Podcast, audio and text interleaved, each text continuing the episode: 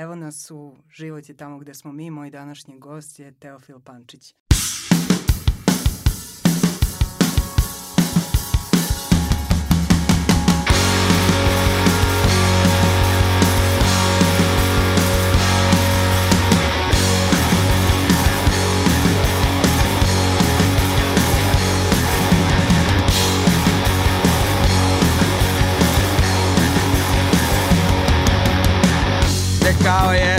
Jedan pas.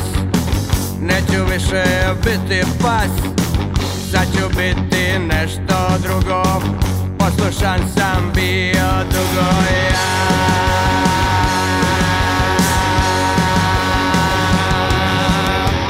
Sad ću biti cool i high.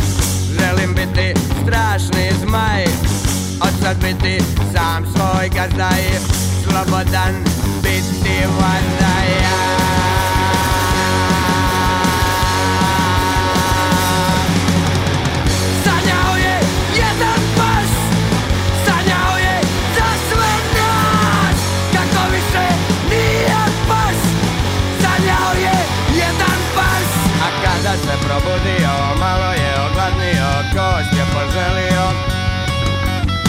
kada se probudio, malo je ogladnio Kost je poželio i kost je i dobio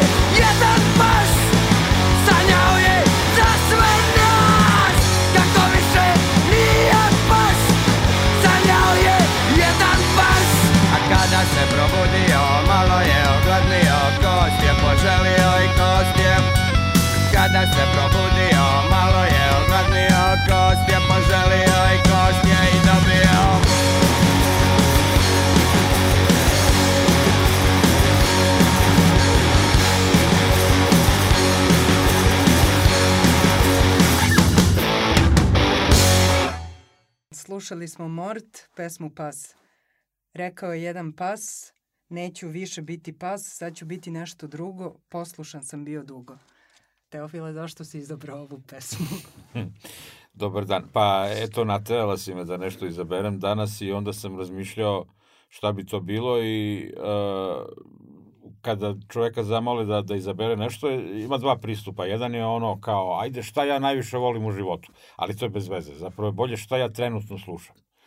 E, pošto ovih dana dosta slušam ovakvu muziku kakvu sam izabrao, onda mi je nekako bilo ove, zgodno da izaberem Mort, a vidjet ćemo šta će biti na kraju, još jedna pesma, a i nekako je, nekako je čini mi se možda i prigodno i za ovu našu temu i, i sve zajedno, tako da mi se uklopilo. Ali ne bih rekla da si ti baš poslušan i da sad je ovde neka pa ne, situacija ne, nisam nekog na to, preokreta. Ne, naravno nisam na to aludirao, razume se, ali ima, ima jedna stara, stara punk pesma, ovaj, uh, riječka od termita Vjeram pas. E, ovo je kao na neki način, ova pesma je negde možda parafraza te pesme i nekako mi se tu, nekako čini mi se da kada govorimo o medijima ima mnogo vernih pasa i onih koji čekaju kosku, tako da mi u tom smislu to bilo zgodno, ne u smislu da sam ja nešto Ne, tu. naravno, ali da, da li to znači da misliš da je došao trenutak da se stvari menjaju i da je nekako sazreo taj trenutak ili je to samo nekakva želja? Znaš šta, taj trenutak sazreva od kad ja znam za sebe i za medije i za sve, od kad se bavim mnogo pre nego što sam i sam počeo time profesor da se bavim. Čini mi se da uvek nekakav trenutak koji samo što nije sazreo, a onda se nešto dogodi zbog čega taj trenutak ne sazri nego iz početka. Pa, tako da ne, ne mislim da je ovaj trenutak nešto u tom smislu mnogo specifičan. Nisam imao tu vrstu, uh, nisam takvu aluziju uopšte. Ali pošto ćemo Dobro. se vraćati na to jer nam je Mhm. nekako tema, naravno jeste danas, ali sa pogledom na nazad što da. znamo i nekakve možda u budućnost. Uh, ima neka tvoja teza, ja se sećam da sam čitala negde da je da se 5. oktobar prerano desio i da zapravo društvo nije bilo nije bilo spremno, da još nije bio taj trenutak, jel sam to grešim ili Pa ne prepoznajem, ne prepoznajem. ne prepoznajem tu tezu, ne mislim ja da se on prerano, ja mislim da se on desio bar jedno 12 godina prekasno zapravo. Ovaj, da nikad nije trebalo da se dogodi ono što je na kraju moralo da izazove 5. oktobar, jeli? ali moguće da sam to rekao u nekom kontekstu kojeg se sada ne sećam, ali ne znam da li uopšte da li se može tako, da li u redu tako razmišljati, da sad treba društvo da sazri da bi nekakav revolucionarni događaj se dogodio, pa će onda da bude bolje nego što je ispalo i tako dalje. Meni se čini da taj nesrećni 5. oktobar, ako je on sad trenutno naša tema kao neka vrsta light motiva, da je on od početka nekako šutiran s leva, s desna i sredine sa svih strana, da nikome nije bio dovoljno dobar. Onda su svi, sećaš se one floskule koje se meni dizalo ovo mnogo kose na glavi, nije stvarno 6. oktobar, gde nam je 6. oktobar i tako mislim ta floskula mi je na nivou ono kao kad kažeš za Japan da je zemlja izlazećeg sunca ili za Evropu da je stari kontinent, više sam poludeo od nje. Uh, mislim da prosto svako je projektovao tog famoznog 5. oktobra kao tobožnjeg nultog Da, ne, časa, da. projektovao neke svoje fantazije o tome kako društvo treba da izgleda, kako mediji treba da izgleda, kako država treba da izgleda i tako dalje, ali to nije bilo realno, ako ništa drugo, već i samom činjenicom da 5. oktobar nije dan našeg rođenja. Svi smo ušli u njega sa svojim istorijama, sa svojim predrasudama, sa svojim uh, opterećenjima, na kraju krajeva sa svojim ubeđenjima, sa svojim vrednostima u koje verujemo, a koje su različite, koje su suprotstavljene, koje je teško pomiriti. Tako da mislim da se od tog, od cele te priče oko 5. oktobra i onoga što treba da usledi se od početka previše očekivalo. A premalo toga se na kraju dobilo. Zašto sam krenula ovako zapravo nekako iz sredine, da tako kažem, na, od mnoštva knjiga koje si napisao, dve su, uh -huh. nekako se uvek spominju te dve, gde se baviš to tim promenama vrednosti e, iz tog postkapitalist, ko, komunističkog društva e, srpskog, pa se jedna odnosi na vreme 90-ih, a druga se odnosi na to vreme od pada Miloševića do ubistva Đinđića. I pošto se meni čini da, mislim, mi danas pričamo u stvari o tim vrednostima, kad pričamo i o medijima ili o bilo kojoj drugoj temi, kako sada, znači, ovih 30 godina, ako delimo neke dekade, Uh -huh. kako ti se pomeralo, kako, gde ti je, ne znam, nada, vera, optimizam, gde smo danas, gde si bio 5. oktobra, gde si bio 90. Da, da, da, da, da. Pa, ako to gledaš tako kroz neke dekade ili, mada je naravno to dosta problematično gledanje, uh, jer se istorija naravno ne kreće tako. Prepliće, dobro, da, naravno. Ali... Ove, ali recimo da 90. svakako možeš da gledaš u komadu kao jednu, kao jednu specifičnu, specifičnu u, naj, u najgorem smislu reči dekadu. Naravno da je to bilo za mene kao i valjda za sve ljude, osim onih koji su direktno imali koristi od tog užasa, da je to za mene vreme i užasa i sramote i propasti i bede i mislim svega naj, najgoreg mogućeg. I, i e, ne mislim da bilo šta što se dešavalo nakon toga može da promeni naš pogled na 90. Ja se i dan danas naježim kad neko kaže često vrlo pametni i dobronamerni ljudi u nekom kontekstu kažu jao, pa danas je ovo ili ono gore nego pod Miloševićem.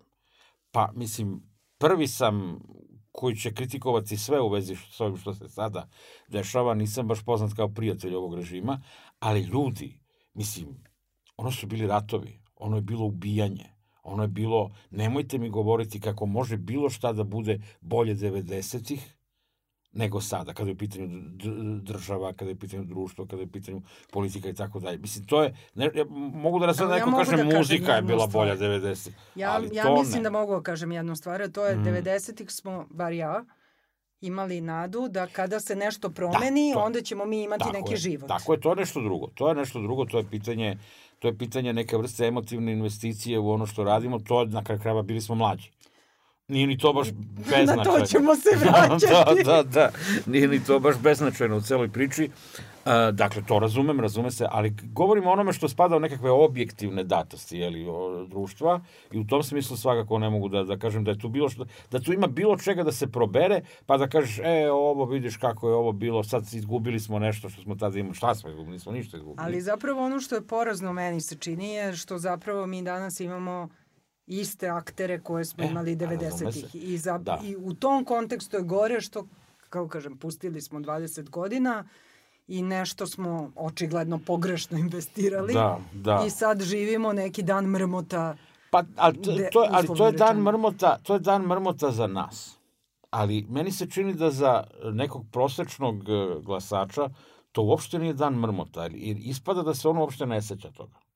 Ili se seća na način koji je toliko različit od našeg sećanja, da to kao da su dve potpuno različite istorije. Jer e, kad ne bi bilo tako, ne bi bilo moguće e, izabrati, većinski izglasati za vlast ljude koji su 90. godina bili upamćeni po najgorem.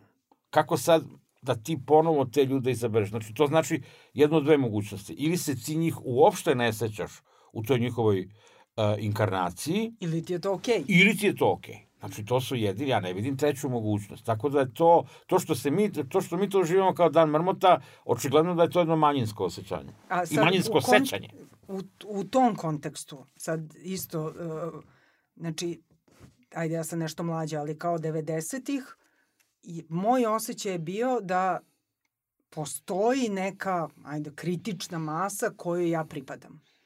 Moj osjećaj danas je da sam ja iz nekog vremena dinosaurusa i potpuno je jasno da moje vreme se nikad neće vratiti i da kao ok, kao neka enklava dinosaurusa Da, da, da, koja da, da. ko u Disneyovom filmu umire Da, negde u da. četvrtom nastavku. A ja pokušavam da verujem da je to ipak e, osjećanje koje, na, to koje si opisala, ja ga delim u velikoj meri, ali pokušavam nekako da, da verujem i da je to zapravo u velikoj meri subjektivno generacijski.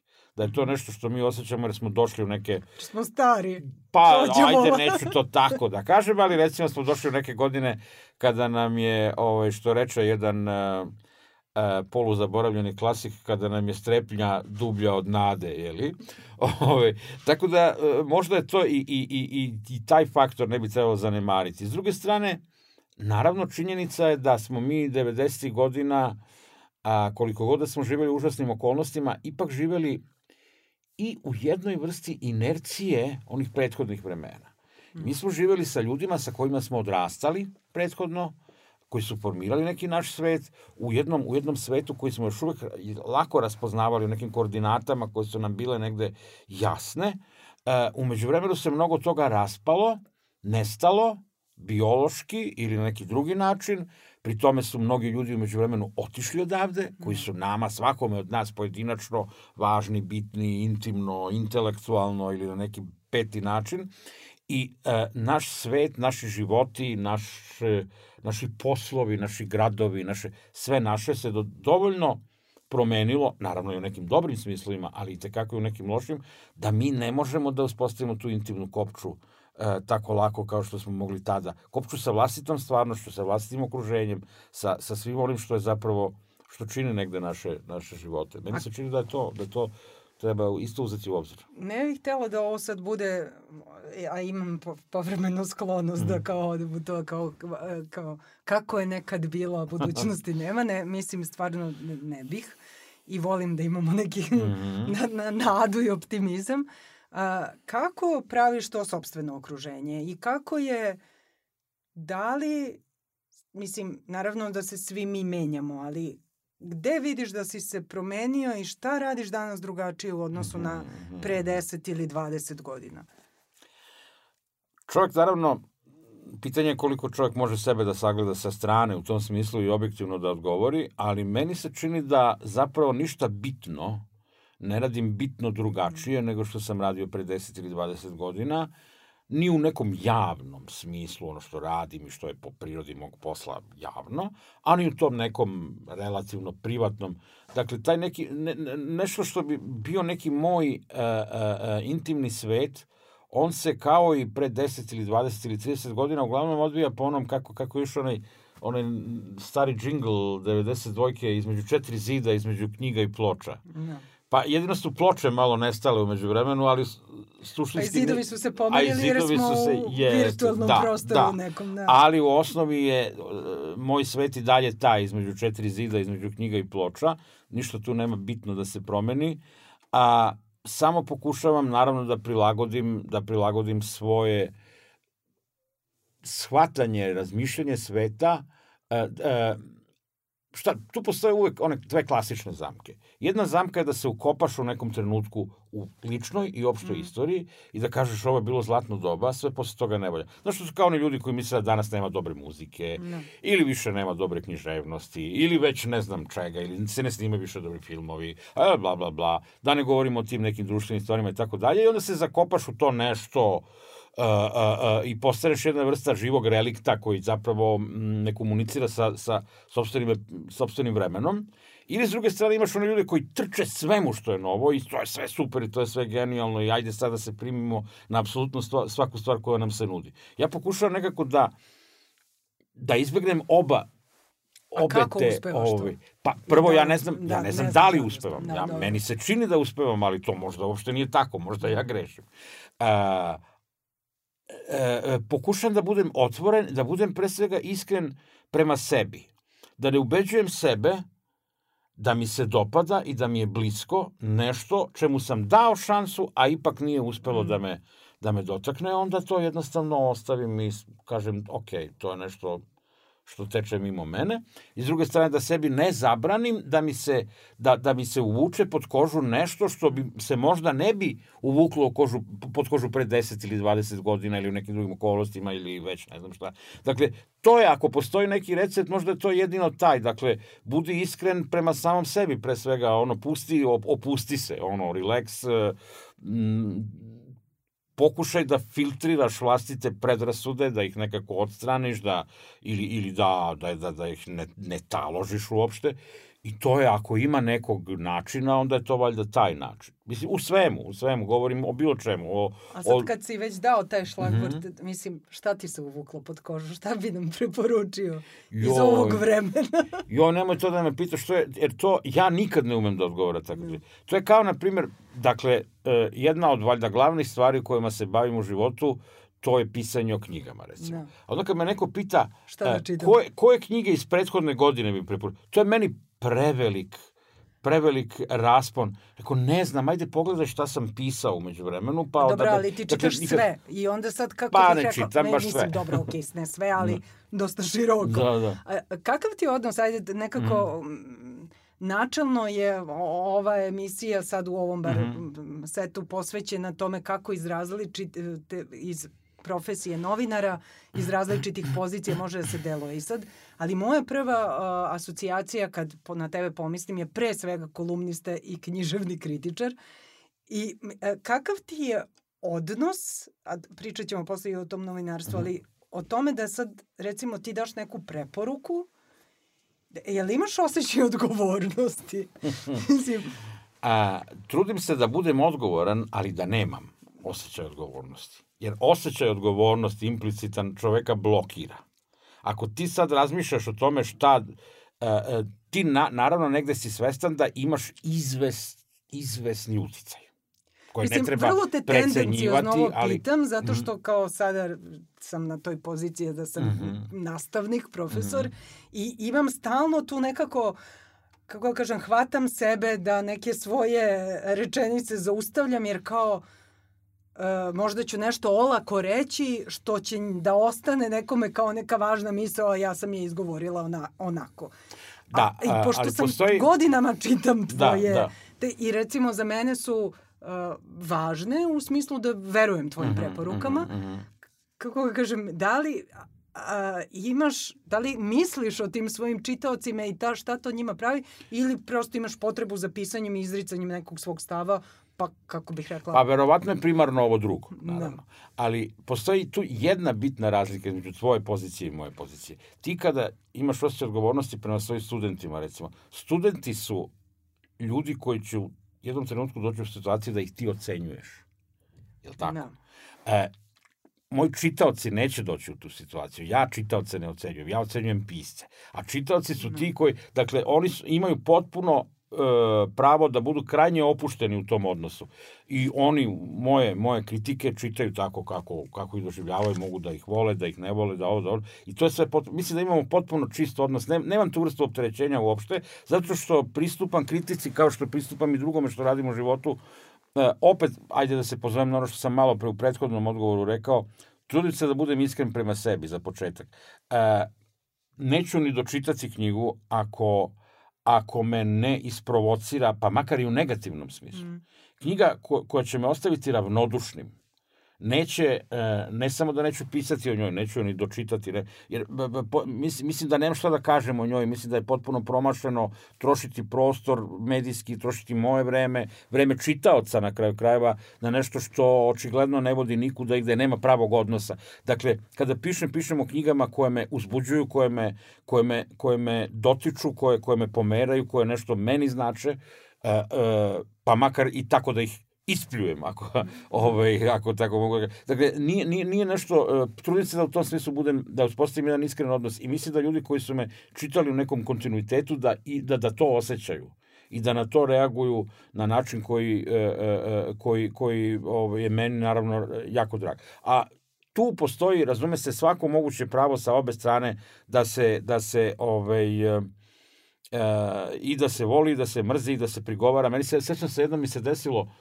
prišla mi je jedna uh, u, u, u gradskom prevozu. Uh, prišla mi je jedna, jedna mlađa žena i rekla vi ste napisali tu i tu kritiku o toj i toj knjizi i vi ste rekli da je ta knjiga dobra i ja sam kupila tu knjigu i meni se ta knjiga ništa nije dopala i ono, malte ne mi je tražila da je vratim pare. sam rekao, pa šta da vam kažem, ono, to je rizik profesije.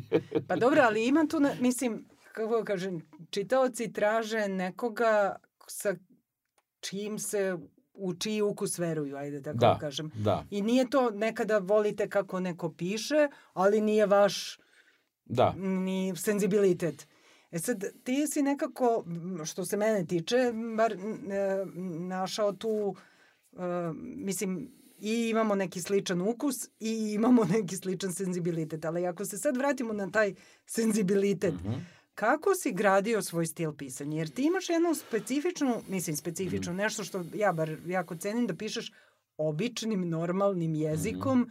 i o stvarima koje su kako bismo rekli, intelektualne i o mhm, stvarima mm, koje su banalne. A vidiš, e, ima, ima čitalaca koji naprotiv misle da ja pišem previše komplikovano, zamumuljeno, da, da sam previše asocijativan, da su mi rečenice predugačke, da koristim previše stranih reči, previše angli, anglicizama, previše žargona i tako dalje. Tako da čitalcima je teško udovoljiti, jeli, ovaj, svako tu ima neki svoj pristup. Ja se naprosto trudim da moje pisanje liči na moju ličnost, takvu kakva je. Šta god neko o njoj mislio. Dakle, trudim se da, da u tom smislu da, da, da onaj trenutak kada sednem da pišem o nečemu, ne samo o knjizi, e, da to ne bude trenutak u kojem se ja pretvaram u nekog drugog i sad pokušavam ex katedra da ne znam šta uh, tu radim ili da što kažu opsenim prostotu ili ne znam, nego se trudim da zaista prenesem ono što jeste neko moje uh, neko moje viđenje nekoga, nečega, nekog fenomena društvenog ili neke knjige ili, ili neke predstave ili bilo čega. Dakle, to je ono što, što, što nastojim. Pretpostavljam da je to, dakle, ti kad me pitaš za, za to građenje stila, ja naravno o tome ne umem ništa da ti kažem. Jer a, a, a, ako bih ja umeo da definišem sobstveni stil, čini mi se da bi taj stil tog trenutka umro. Mislim, ja, ja o tome, zaista ja sam poslednji koji bi o tome nešto znao da kaže.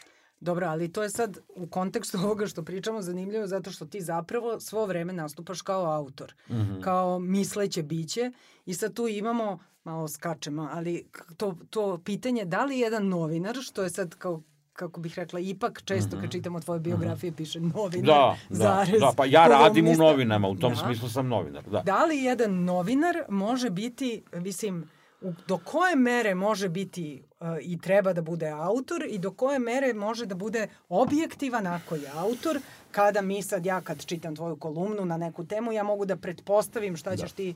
Ja uopšte ne znam šta znači biti objektivan. Za početak ja imam da. problem sa samim tim terminom. Objektivno je ako izveštavaš sa pijace pa kažeš da jagode koštaju toliko, a jabuke koštaju toliko. To je na nivou elementarnih činjenica i tu treba da budeš objektivan, treba da izmišljaš cene, je li tako?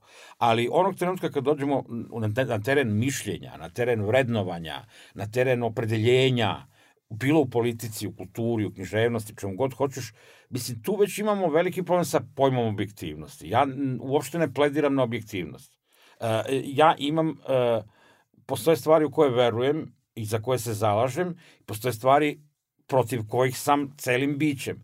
I ja nemam nikakav problem s tim da se to vidi kroz moje tekstove. Naprotiv, da meni je to sasvim u redu da se to vidi. Ja u tom smislu ne gradim nikakvu, e, mislim da je ta pozicija objektivnosti e, e, kao neke nadinstance veštačka i lažna. To se naravno na drugi način, specifičan način, odnosi i na pisanje kritike. Dakle, čovek koji piše kritiku nije nije neko, neko, neko neutralno biće koje je samo u životu akumuliralo nekakva znanja, a pri tome nema nikakav ukus, nema nikakve lične kriterijume, nema nikakve e, preferencije, nema nikakve specifične, ako ovako hoćeš, nema nikakve predrastude ili šta god. Dakle, sve to što, što jesmo mora negde da se vidi i kroz tekst. A pametan čitalac ili čitateljka uvek, naravno, zna, mi kad čitamo ljude, ja kad čitam ljude koji, e, kad čitam književne, pozorišne, filmske, svejedno, kritičare koji nešto znače meni, ja uvek uh, uzimam u obzir i to što je neki neki uh, uh, uh, autorski višak na neki način što je mhm. ono što što negde je korespondentno sa njihovom ličnošću, sa njihovim ukusom, ali to nije smetnja, to je samo jedan dobar začin u tekstu. A kako to danas kada su ne znam da li uopšte možemo kažemo mediji ovakvi kakvi jesu, mm. ali čini mi se kad smo mi odrastali u tom nekom ajde modernizmu, mm mediji su bili, kako kažem, prenosilac istine. A dada mm. mediji formiraju istinu. I to je jedna užasno različita u stvari pozicija, uloga. I u nekom mm. smislu mi smo i danas, evo sad smo kao slavili 50 godina sletanja mm. na meseca, kao prva stvar kad googlaš sletanje na mesec je da li je se desilo da ili se, se nije, ikad, nije da, desilo. Da, da. Znači mi smo danas ušli u, u, mi smo stalno u nekom ključu tog prokletog uh, recidiva postmodernizma, odnosno toga kao uh, preispitivanja svake stvari koje nas onda dovodi do toga da u stvari više nemamo veru ni u šta. Kako uopšte možeš da izgradiš i da li je potrebno da izgradiš ili da izgradimo nekakve, nazovi, medije koji mm -hmm. će biti uh, ne samo kao intelektualni vodič, nego kao bukvalno informacioni servis koji nećeš dovoditi u pitanje? To je, eh, naravno, najteže pitanje koje si uopšte mogla da mi postaviš i, to, i o tome bi mogla da se satima da se razgovara, eh, stavku po stavku. Eh, ali negde na tragu ovoga o čemu smo do malo pre razgovarali, mislim da mi tu imamo problem sa tim što zapravo, meni je sasvim u redu i sasvim je normalno da a, a, čovek kao neko kritičko mišle, misleće biće dovodi u pitanje stvari oko sebe. Naravno da treba da ih dovodi u pitanje. Naravno da ne treba da ih prima zdravo za gotovo.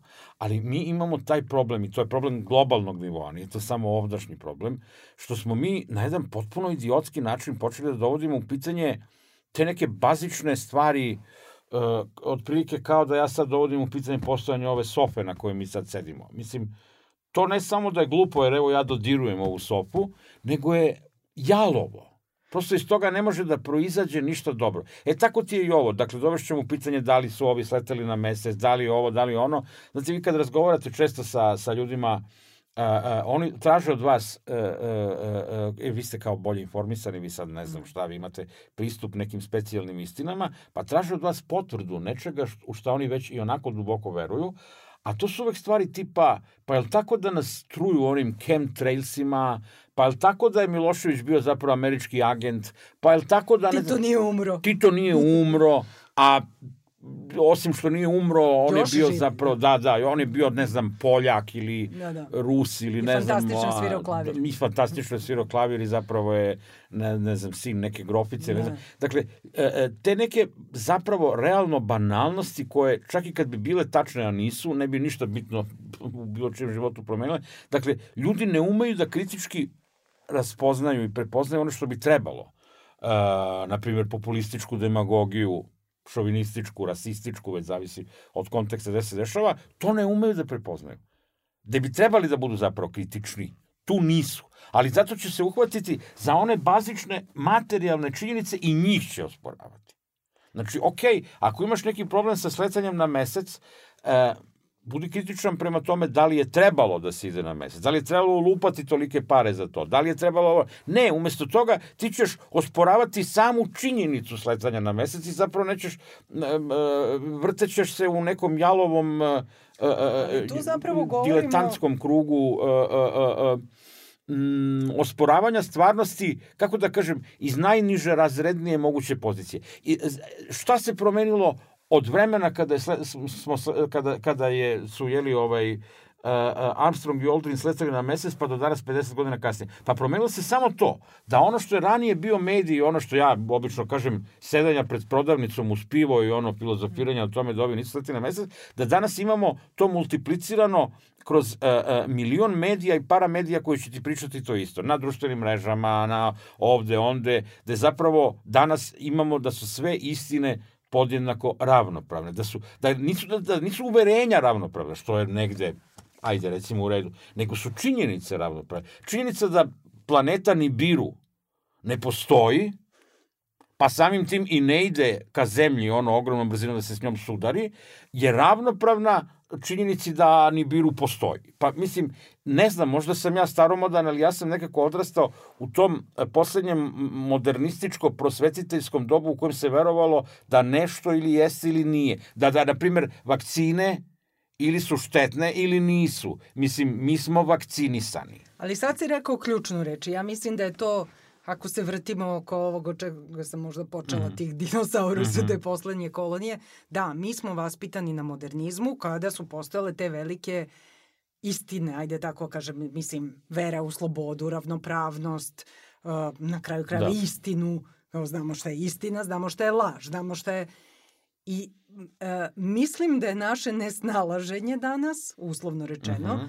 ide iz toga i, i, i zato i razgovaram sa tobom i sa ovim svojim drugim Mhm. sagovornicima. Kako mi u ovo vreme, kada sve to u što smo verovali je potpuno relativizovano i kada više ne postoji istorija, nego postoji lično sećanje i kako kaže, subjektivna istorija koja, da, slažem se da moja subjektivnost na, na istina je jedina važna za mene, ali nije važna za tebe, nije važna za nekog drugog. Da. Znači, ako mi ne napravimo neki konsenzus, kao što je modernizam pravio, Mm, oko mm, toga šta je istina, kako mi možemo bilo koju vrednost da Mhm, mhm. uspostavimo kao vrednost. I zašto je ovo sad ta neka glavna tema?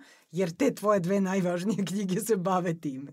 Šta si ti zaključio i, i kako nam možeš pomoći? O, ako ste spali na to da vam ja pomažem, onda ste u velikim problemima. Ne, mi- kao sad nemoj da se odvajaš ti i mi, Šalim to se, smo naravno. sve mi. Razume se, razume se, ali ovako mi je lakše da živim u iluziji da sam ja nešto drugo, a naravno da nisam ovaj. Ali um, dok si, dok si postavila ovo pitanje, razmišljao sam upravo o tome što si rekla o toj dihotomiji a, koji se uspostavili između istorije i ličnih sećanja. Pa moglo bi se reći da u to neko vreme, ranije, bar u kontekstu društva u kom smo mi živeli, a, na neki način su lična sećanja bila opresirana u ime istorije. Jer istorija je ta, istorija sa velikim početnim i, je ta koja je propisivala koja lična sećanja su okej, a koja lična sećanja možda i nisu okej, jer izlaze izvan uh, unapred zadatih okvira u kojima, u kojima je istorija po opet nekom vrstom ideološke paske smela da se jeli, događa. E pa, čini mi se da danas možda živimo u obrnutoj situaciji gde zapravo lična sećanja postaju ona koja opresiraju samu istoriju. Ali to ne znači da je istorija objektivno prestala da funkcioniše. Ne, nije. E, mi samo možda trenutno nismo dovoljno fokusirani da smo u stanju da je na pravi način e, da je na pravi način sagledamo i da na pravi način uh, m, m, provučemo kroz, kroz, kroz filter vlastitih života i vlastite epohe. Ali ne sumnjam da će u nekoj doglednoj budućnosti to opet biti uspostavljeno. Jer istorija ne može da prestane da postoji samo zato što su ljudi umeđu vremenu malo promenili neke svoje kulturalne ukuse ili se tehnologija malo nešto promenila u tom smislu da, da ohrabruje da ohrabruje taj nekakav krajnje subjektivistički pristup svemu. Mislim, istorija je malo i suviše ozbiljna i važna vertikala da bi mogla u tom smislu da, da, da jednostavno se uh, da se istopi ko neki sladoled na suncu. Tako da tu je ona negde i mislim da ćemo mi opet negde doći do, uh, uh, doći do toga, jer uh, tako da si kažem, ako, ako, to, ako, ako se to ne dogodi, onda ćemo zapravo zauvek živeti u, u nekoj lošoj beskonačnosti a, nemogućnosti da se dogovorimo oko elementarnog civilizacijskog konsenzusa. Naprimer, kao što postoji civilizacijski konsenzus da znamo ko su u drugom svetskom ratu bili dobri momci, a ko su bili loši momci. A znaš da ne postoji? Ja, a zapravo ne, postoji. A, sad ovo pričam nek me izvinu svi moji studenti, jer sam imala jednog studenta koji nije znao ko je izgubio u drugom svetskom ratu, mm. ni ko je pobedio. I sad mogu da razumem da ne zna ko je pobedio, mm. jer je li iskomplikovalo se. Da. Ali ko je učestvovao i ko je izgubio, kako bih rekla, to su za nas nekako, čini mi se, pa- neshvatljive stvari. Pa jesu neshvatljive, ali mislim da je to samo problem uh, kako je uopšte taj dečko došao, kako je uopšte dospeo do fakulteta. Pa to i hoću da kažem, znači ovo uopšte ne govorim tako, o, je, o njemu kao da. lično, nego mm, govorim o tom mm, ne, mm. nepostojanju sistema i nečega što je, mm. mislim, mi smo odrastali u vreme kada Romi, a tada smo ih zvali cigani i nismo imali s tim problem, su bili u našim razredima i da. dolazili na rođendan, da. niko nije pravio nikakvo pitanje tim po nije se oko toga vode, ali kako kažem, znalo se šta znači biti pismena, šta nepismen. Da. E mi danas zapravo govorimo, mi imamo uh, uh, i sad tu opet ta kopča sa ti, da li su 90. bile bolje ili mm -hmm. gore nego danas, mi imamo na vlasti čitav jedan sistem ljudi koji su uh, mislim, zapravo nepismeni. Znači, da, i, i koji, koji su... zapravo nemaju s tim, ne samo da oni nemaju nikakav problem s tim, nego i njihova publika i njihovi Nema podržavaoci nemaju problem s tim, nego smatraju da je to sasvim normalno, Uh, I ako su ovi nešto lažno stekli neke diplome, titule, nešto i tako dalje, oni razmišljaju, pa ja bih tako na njihovom mestu. Kao u čemu je tu problem? Moram tu sad da te pitam nešto što je kao u čemu se spekuliše na mhm. internetu, mm -hmm. a to je Da li si završio fakultet? Ne, nisam. Zašto nisi kupio diplom? Pa ne znam, ne znam. To, šta... mislim... Da, pa ne znam, nekako mi to uopšte nije palo na pamet a zašto, Pa, a, zašto te to pitam? Zato što a, postoji to jedno potpuno, po mom mišljenju, sumano to mišljenje, da je kao ta diploma čini intelektualca i misleće biće. Da, da. I mislim, jel ti smeta da misliš to što nemaš fakultet. Pa ne bih rekao, pa sad da, da li ja treba da ocenjujem da li mi smeta što mislim. Meni se čini da mi ne smeta uopšte, ali dobro, ali vero, zašto misliš, evo kao neko ko nema mišljenja. tu diplomu, zašto je nekome važno da ima? Pa za, zato što je to zapravo, zato što smo mi u osnovi jedna, jedna um, strašno malo građanska sredina. Mi smo tu nekako iskombinovali onaj najgori, s jedne strane, onaj najgori birokratski sloj socijalizma sa tim nekim onako kleinbirgerskim uh, poverenjem u neke čage i tako Pečat. dalje, pečate, i onda kad to onako spojiš, onda se ispadne bukvalno to da je intelektualac je neko ko ima potvrdu da je, komu je neko pečat, pečatira da je intelektualac i tako da i onda ljude to, onda ljude to fascinira i onda su oni neko i nešto, pa u nekom trenutku se moga, možda do, domognu nekih para, ali to još nije dovoljno ako oni nemaju potvrdu da se dr, mr, nešto, bla, bla, i, i, i jer zaista ne, ne znam drugo racionalno objašnjenje zašto bi, na primjer, čoveku koji je M bogat, M politički moćan, bilo bitno da bude uh, i diplomirano nešto, a kamoli da bude doktor nauka. Šta će to njemu? On ne ganja akademsku karijeru, on nema, nema mislim, ne, ne, ja, ja nije mislim, deo ja tog tu sistema. ja mislim da zapravo oni ganjaju akademsku karijeru u nastavku. E, znači, pa, kad to, ali, moguće, da, ali, da, je, da. ali je činjenica da to isto je moje, mislim, čemu ta potreba mislim, ne znam da li možeš da odgovoriš, zašto oni žele da budu na strani koju preziru? Pa zato što oni nju ne preziru iskreno, zato što oni, on, to je samo ona vrsta samo odbrambenog prezira koji, koji zapravo dolazi iz zavisti. Jedne vrste zavisti, jedne vrste osujećenosti, ako hoćeš, zato što uh, oni suštinski nisu ozbiljno shvaćeni. I onda pokušavaju da budu ozbiljno shvaćeni tako što će, eto, makar tim nekim uh, pečatima dokazati da njih treba ozbiljno shvatiti, a zapravo uvek nekako ispadaju, u svakoj kombinaciji nekako ispadaju drugorazredni ili, ili bog me češće i treće razredni. To ti je problem recimo sa ovom, sa ovom vrstom, sa ovom vrstom vlasti. Neko je to jednom dobro opisao na primjeru jednog grada u unutrašnjosti, potpuno svejedno koji. Jedan sociolog je rekao, uh, koji je bio veliki protivnik i onih prethodnih uh, uh, vlasti, ovaj, DOS-a i tako dalje, a i sad je protiv ovih, re, kaže, rekao, znaš, ranije su kod nas ovde u gradu vladali uglavnom tako neki advokati, tako neka ekipa, advokati, lekari, ovo, ono, a sad vladaju neke uglavnom loše zanatlije i tako neki ljudi za koje ne znamo šta su i ko su. Dakle, u osnovi uh, uh, vladavinu mediokriteta smo zamenili vladavinom tipova koji još mnogo treba da rade da bi postali mediokriteti. A, zar A mi nije... nemamo vremena da to čekamo. Da, ali zar nije zapravo u osnovi demokratije koje je li, najbolje od svih zala koje nam se nudi, mediokritetska vlast? Tako je, pa zato ja i kažem da je vladavina mediokriteta daleko od najgoreg što može da, da nam se desi. Ali mislim da smo mi uh, i 90. godina i sada ponovo pali mnogo ispod vladavine mediokriteta.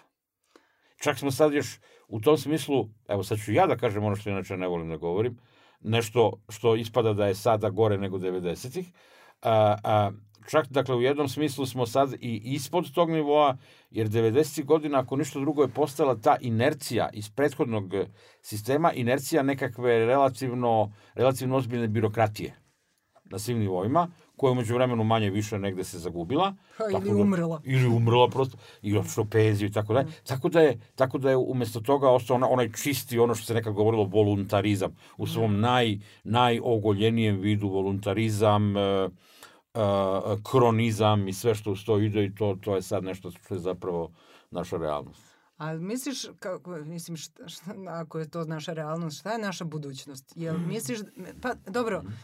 mislim, mi sa ove mm -hmm. strane sa ove strane mikrofona se nadamo da će se neke promene nekada desiti. Jel misliš da, da će se sistem urušiti samo od sebe ili da će se ili moramo sačekati da, da, da ne, ne iznedrimo neku novu Pa prvo bi morali da znamo šta je uopšte sistem, pa da vidimo da će se on urušiti. Dakle, da li govorimo o konkretnoj nekoj vlasti, nekih konkretnih ljudi, partija i tako dalje, ili govorimo o nečemu mnogo širem od toga. Ako govorimo o konkretnoj vlasti, to ona će pre ili kasnije po prirodi stvari... Uh, pa dobro, ali što bi se reklo, da. ovo će biti ceo naš život je jedna pa rečenica pa u knjizi istorije, ali pa nama jest. je ceo život. Pa nama je Mislim... ceo život i razume se i to je ono što nas zapravo prirodno deprimira, pogotovo kada se iste stvari dešavaju uh, uh, ne po prvi put, kada gledamo reprizno zapravo uh, isti užas, a to je upravo ono u čemu živimo. Ti misliš da mi imamo odgovornost, mislim, bukvalno lično, ti, ja... Apsolutno apsolutno. A dakle, šta smo mogli, trenutka. mislim, i šta sada možemo da pa radimo vidi, drugačije? ja, ja mislim da ne možeš nemati odgovornost. Jer ako pristaneš da nemaš odgovornost, onda pristaneš da si kao građanin, da si zapravo neka vrsta Uh, sad ne bi da zvučim politički nekorektno, danas ne smeš da kažeš ni da je neko ludak, ni da je neko Ma, smeš. retardiran ili ne znam šta, da. dakle da, da me se ne shvati doslovno u nekom da, da. medicinskom smislu, A, ali hoću da kažem, ako pristanemo na to, onda pristanemo na to da smo mi retardirani. No. E, ako nismo retardirani, ako smo mentalno sposobni ljudi, ne možemo kao, kao građani jedne, jedne, jedne države, kao, kao participanti u jednom društvu da kažemo no se to ne tiče. Jer seti se ratnih vremena. To je zapravo ono što je mene šokiralo. To je bio prvi pravi sudar u to vreme kad ja recimo imam neki 25-6 godina kad počinju ti ratovi u, u Jugoslaviji, dakle to je trenutak kad se ti suočavaš ne samo sa jednom ogromnom, uh, sa jednim ogromnim talasom mržnje, ljudi koji mrze, nego se suočavaš i sa jednim mnogo većim, e, brojnijim a, talasom ljudi koji se ponašaju kao da se to njih apsolutno ne tiče.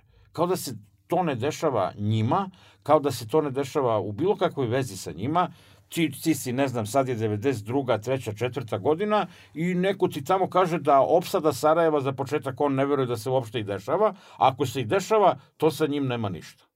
On misli da to nema ništa sa tim, kako on glasa, kako on živi, šta radi, šta ne radi, čemu se suprotstavlja, čemu se ne suprotstavlja. Pa mislim, ti tog trenutka naravno ispališ na živce jer kažeš čoveče Boži, a koga se to tiče ako se ne tiče tebe? Dobro, ali sad ako te, znači ti kontinuirano na jedan isti način kao perpetu mobile nešto ponavljaš i evo nas 25 godina kasnije. Pa istorija se ne povinuje mojim, mojim upozorenjima. Ne, mislim. znam, ali da li misliš da mi treba nešto da menjamo u našoj strategiji ili si ti u miru sa sobom da je to tvoja borba i da ćeš tako zauvek. Ne, ne, nisam, ne, ne, zapravo ne mogu tu da odgovorim ili ili, da li ovako ili onako. Nisam ja u miru sa samim sobom, mislim da čovek nikad ne treba da bude u miru sa samim sobom i da je normalno da stalno preispituje uh, uh, vlastite uh, vlastite postupke i vlastite nepostupke koji su možda trebali da budu postupci. Uh, ali jednu stvar treba shvatiti kad mene pitaš, dakle baš mene lično TPA, uh, ja nikad nisam bio aktivista bilo čega. E, ja nisam nikad pripadao ni političkim partijama, ni nevladinim organizacijama, udruženjima građana, ne znam čo. Ja sam samo čovek koji nešto piše. E, I to neki ljudi čitaju.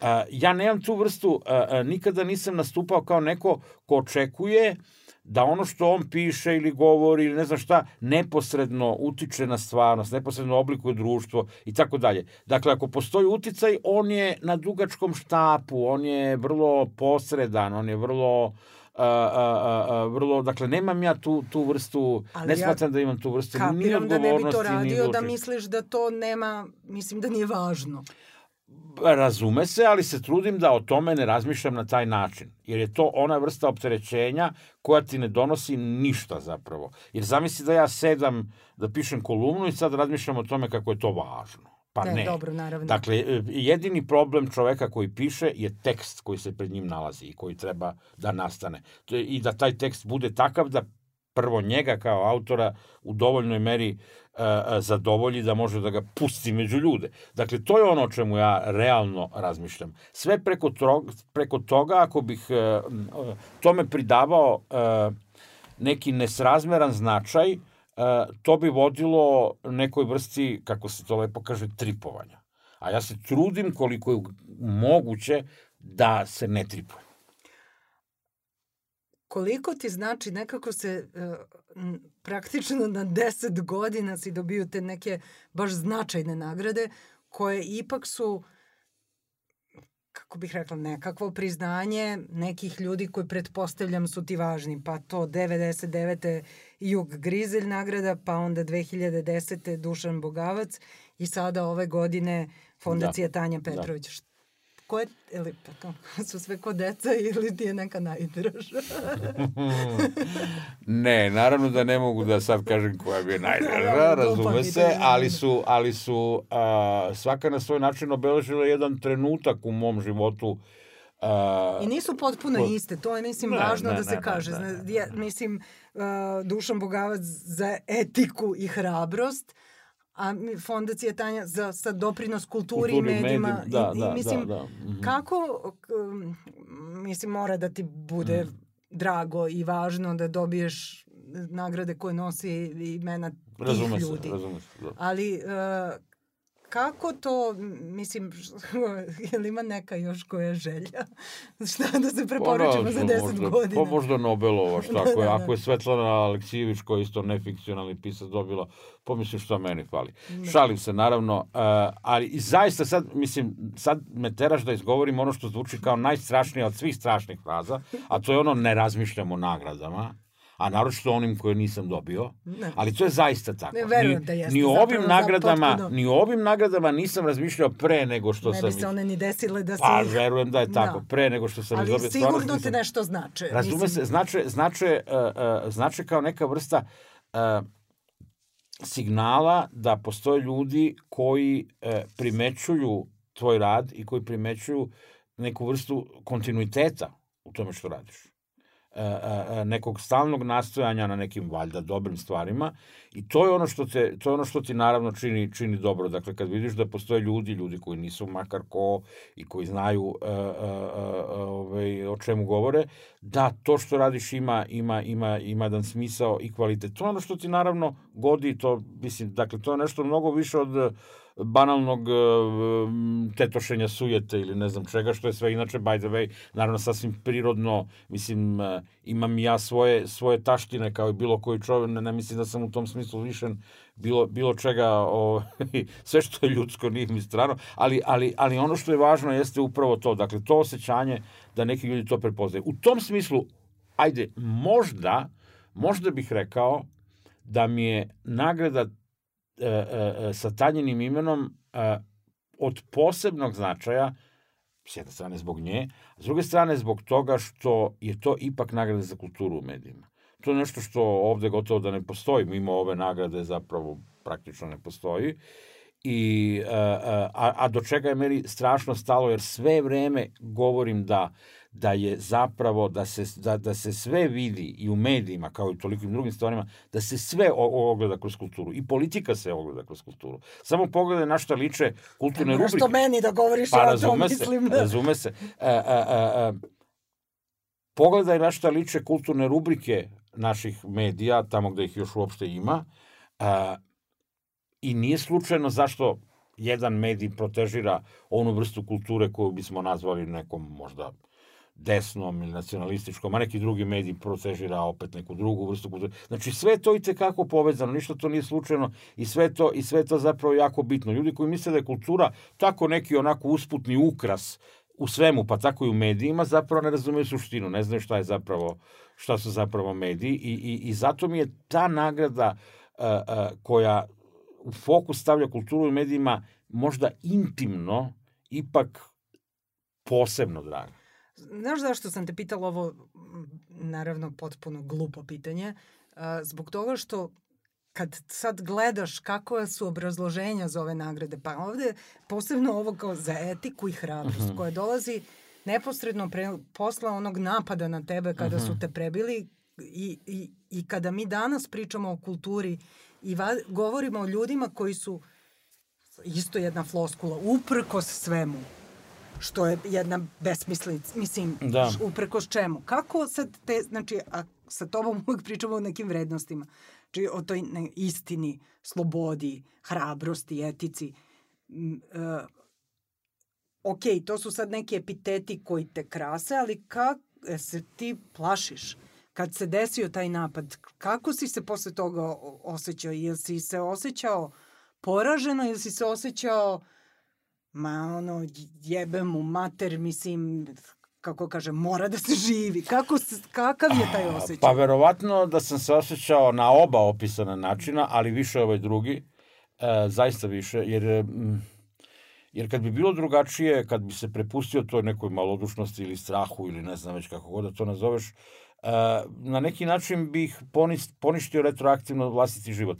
Dakle, ja to uopšte ne govorim u kategorijama hrabrosti Uh, o sebi ne razmišljam kao hrabrom, ne razmišljam o sebi ni kao kukavici, da se razumemo. Mm. Razmišljam u tom smislu o sebi kao vrlo običnom, vrlo prosečnom ljudskom biću koji ima sve moguće strahove, fobije, gluposti, budalaštine, ono, koji neće da pređe ulicu ako mu prešla crna mačka i tako. Dakle, uopšte, ne, uopšte sebe ne stavljam u kategoriju nekoga ko je, ko je u tom smislu superioran bilo kome drugome. Nego razmišljam, ako govorimo o nekim kategorijama, umesto hrabrosti, ja bih pregovorio možda o kategoriji dužnosti.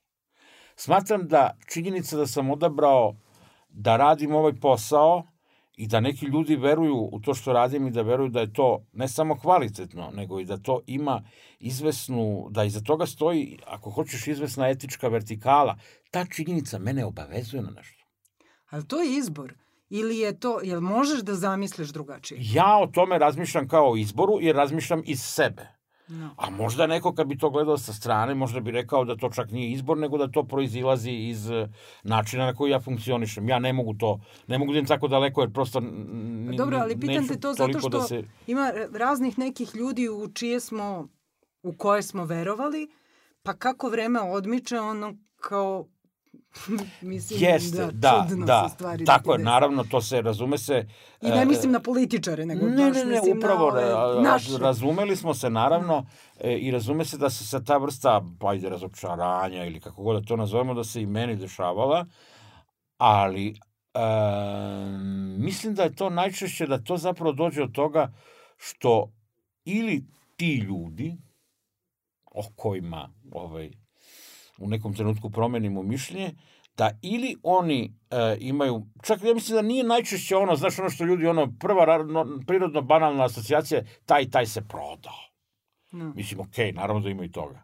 Ali vrlo često su u pitanju neke, neke e, bizarnije stvari. Neko je malo utripovao na sebe. Neko je pomislio da bi mogao da bude spasilac nekog društva, samo ako bi ga ljudi slušali i sledili. Pa u ime toga on će da, ovaj, kako da kažem, malo i da ono... Ovaj, Cilj opravdava cilj sredstvo, opravdava da. sredstvo i tako dalje. E, e, ako mene nešto spasava od toga, onda me spasava jedna stvar. E, kako god će to možda nekome ko ovo bude slušao, ako ima neki, neku drugačiju viziju mene, možda zvučati čudno, pa, ali ja sam osoba bez ambicija. Ja nemam nikakve ambicije u životu.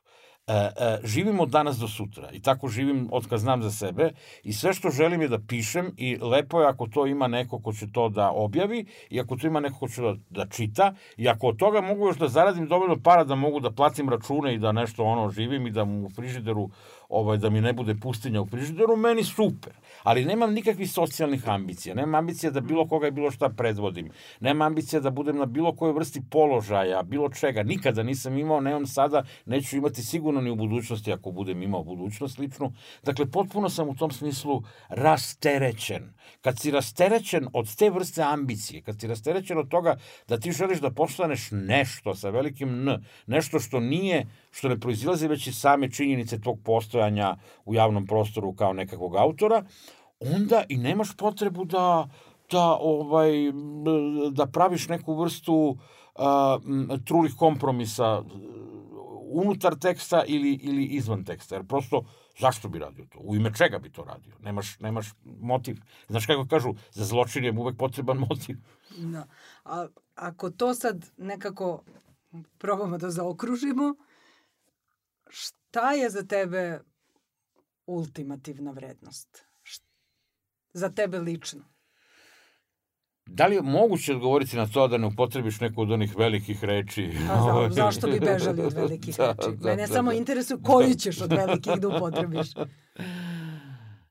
Pa zapravo uh, proći kroz život, kroz postojanje, uh, čineći uh, što je više moguće zadovoljstva sebi i ljudima do kojih ti je stalo i što manje štete ljudima generalno oko sebe. To je, mislim, ja nema, ja, ja ne znam da je moguće nešto više od toga. Mislim, možda je moguće nekome, ali to su neki sveci, valjda. Dakle, ja, ja zaista ne, dakle, dakle, činiti što više, što više nekog dobra, ne u smislu nekog, ovaj, ma, ovaj, majka Tereza dobra, nego u onom elementarnom smislu, dakle, e, e, e, nastojati širiti dobro i ne, ne, činiti namerno i svesno, ne činiti zlo drugim ljudima. Mislim, to je maksimum do kojeg možeš da dobaciš. Ja se zaista trudim i, i, i, i ne samo, i s jedne strane valjda i u nekom privatnom životu, s druge strane i u tom nekom javnom životu, moj, moja je pozicija takva, moj, moj, moj posao je takav, moja pozicija koju sam na neki način izabrao ili stvorio je takva da ona nužno podrazumeva nekad i veoma oštar kritički odnos prema onome što rade drugi ljudi. Političari, pisci, novinari, glumci, nije bitno. Javne ličnosti, tako da.